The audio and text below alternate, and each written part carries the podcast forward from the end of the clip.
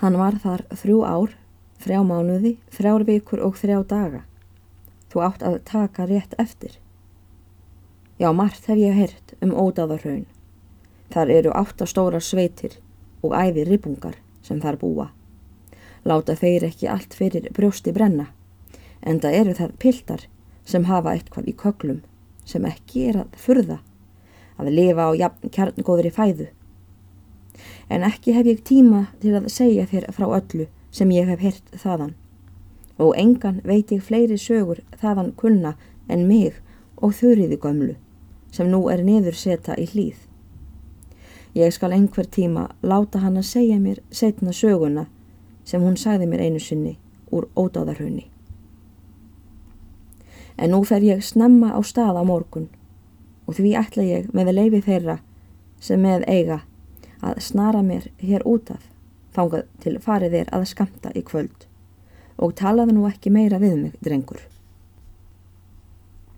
Að því búnu lagði Bjarni sig endi langan aftur á bak í rúmið, en með því maðurinn var ákaflega langur, svo að óvist var hvort hann hefði getað leið allur í rúminu án þess að svínbeigjast og það annað að hann nendi ekki að leysa skó sína. Þá let hann fæturna liggja fram á loftið. Sopnaði hann skjótt og hraut ákaflega. Svaf Bjarni svo þar til komið var að hátt á tíma. Var hann þá vakin og vísað til gestaherbergis þess er var undir baðstofulofti og ætlað var fyrir hérna óæðri gesti.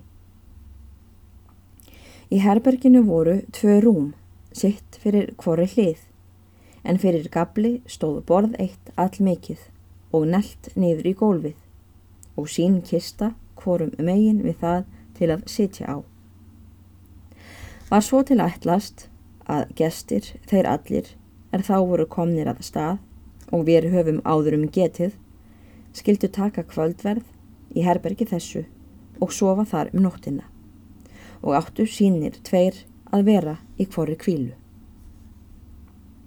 Þeirri feðgar, Grímur og Egil og Sigurður voru fyrir þar í herberginu þegar Bjarni kom og hafðu þeir tekið sér sæti á kistunum en Bjarni settist á kistil sem stóð hjá öðrum rúmgabli og tóku þeir allir að ræða um ímislegt sem þá þótti mestum tíðundum sæta þar í héræðinu. Leið nú ekki á laungu, áður matur var á borð borin. Það var saltkjötssúpa og voru borin född tvö all mikil. Annað fatið var trefatt, afar stórt og sínu meira en hitt, er var af tinni. Setti griðkona sitt fatið hvoru megin á borðið og lagði nautshyrninga tvo hjá hvoru fatinu. Spænirnir voru afar miklir og allvel gjörðir og höfðalettur skorið á sköftin. Síðan bar greiðkona fram leirskál eina mikla og setti á mitt borðið. Átti sá matur er þar var í að vera til vara ef þrótt bæri að höndum í annari hverju skálinni. Var svo til ætlast að sínir tveir gestanna skildu vera um hvort fatið. En þegar framræðslunni var lokið, vísaði greiðkona gestum til sætis og áttu þeirri Bjarni og Grímur að borða úr trefatinu en Egil og Sigurður úr hinnu. Spurði griðkona þá félaga hvort þeir hefðu ekki á sér nýfa því ekki voru borðfæri önnur fram lögð en spænirnir og játtu þeir því allir. Síðan settust þeir til borðs eftir því sem þeim var tilvísað. Gjörðist fátt til tífinda hjá þeim Sigurði og Agli en með þeim grími og bjarna var það títt að þegar þeir eru niður sestir þrýfur bjarni nautshyrning einn annari hendi, krossar sig í skyndingu og myndar sig þegar til að hafa ár á borði. Grímur lagði hendurnar í kross á brjóstið og bjóst til að lesa borðsálmin. En er hann lítur tilræði bjarna, getur hann ekki gjört að sér að varpa orðum á hann veltir nú vöngum og segir Ertu ekki vanur, Bjarninsæl, að meðtaka fæðu þína með þakkargjörð?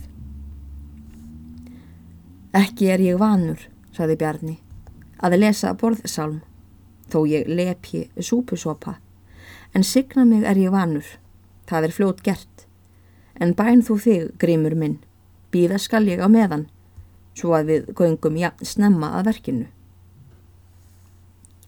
Grímur let sér það að góðri kenningu verða, leggur aftur hendurnar í kross og lesa eitthvað í hljóði og er því var lokið, krossar hann sig á brjóstið og tekur síðan hornspónin þann er þar lág hjá honum í hönd sér og segir um leið. Svo farð þú og ert þitt brauð með gleði og drekk þitt vín með góðu geði, segir predikarinn. Hvað varst þú að tala um predikunina í dag, Grimurbondi? segi Bjarni. Hún var all góð fyrir þá sem hefðu getað munað hana. Ég var ekki að tala um ræðinu í dag, sagði Grimur og velti vöngum og brosti í kamp, heldur um predikara Salamónis. Já, já, þú varst að minnast á Salamón. Já, það var maður á sinni tíð og geysilegur fjörmaður hefur það verið, því það hef ég sannfrétt að hann átti 900 konur og 3000 frillur. En maðurinn hefur átt ærlega og gott og var heldur ekki blá snöður. Og þó þótti honum gaman að drotningunni frá Arabíu þegar hún heimsótti hann. Með henni átti hann tvo tvíbura, mestu þregmenni og af öðrum þeirra var Úlvar sterkki kominn. Á meðan Bjarni let þessa dælu ganga var hann ekki yðjulaus. Ruttist hann fast um í skálinni með hornspæni sínum og veitti upp hvern betan eftir annan og hurfu þeir á sveip stundu. En ekki syndi Bjarni súpunni.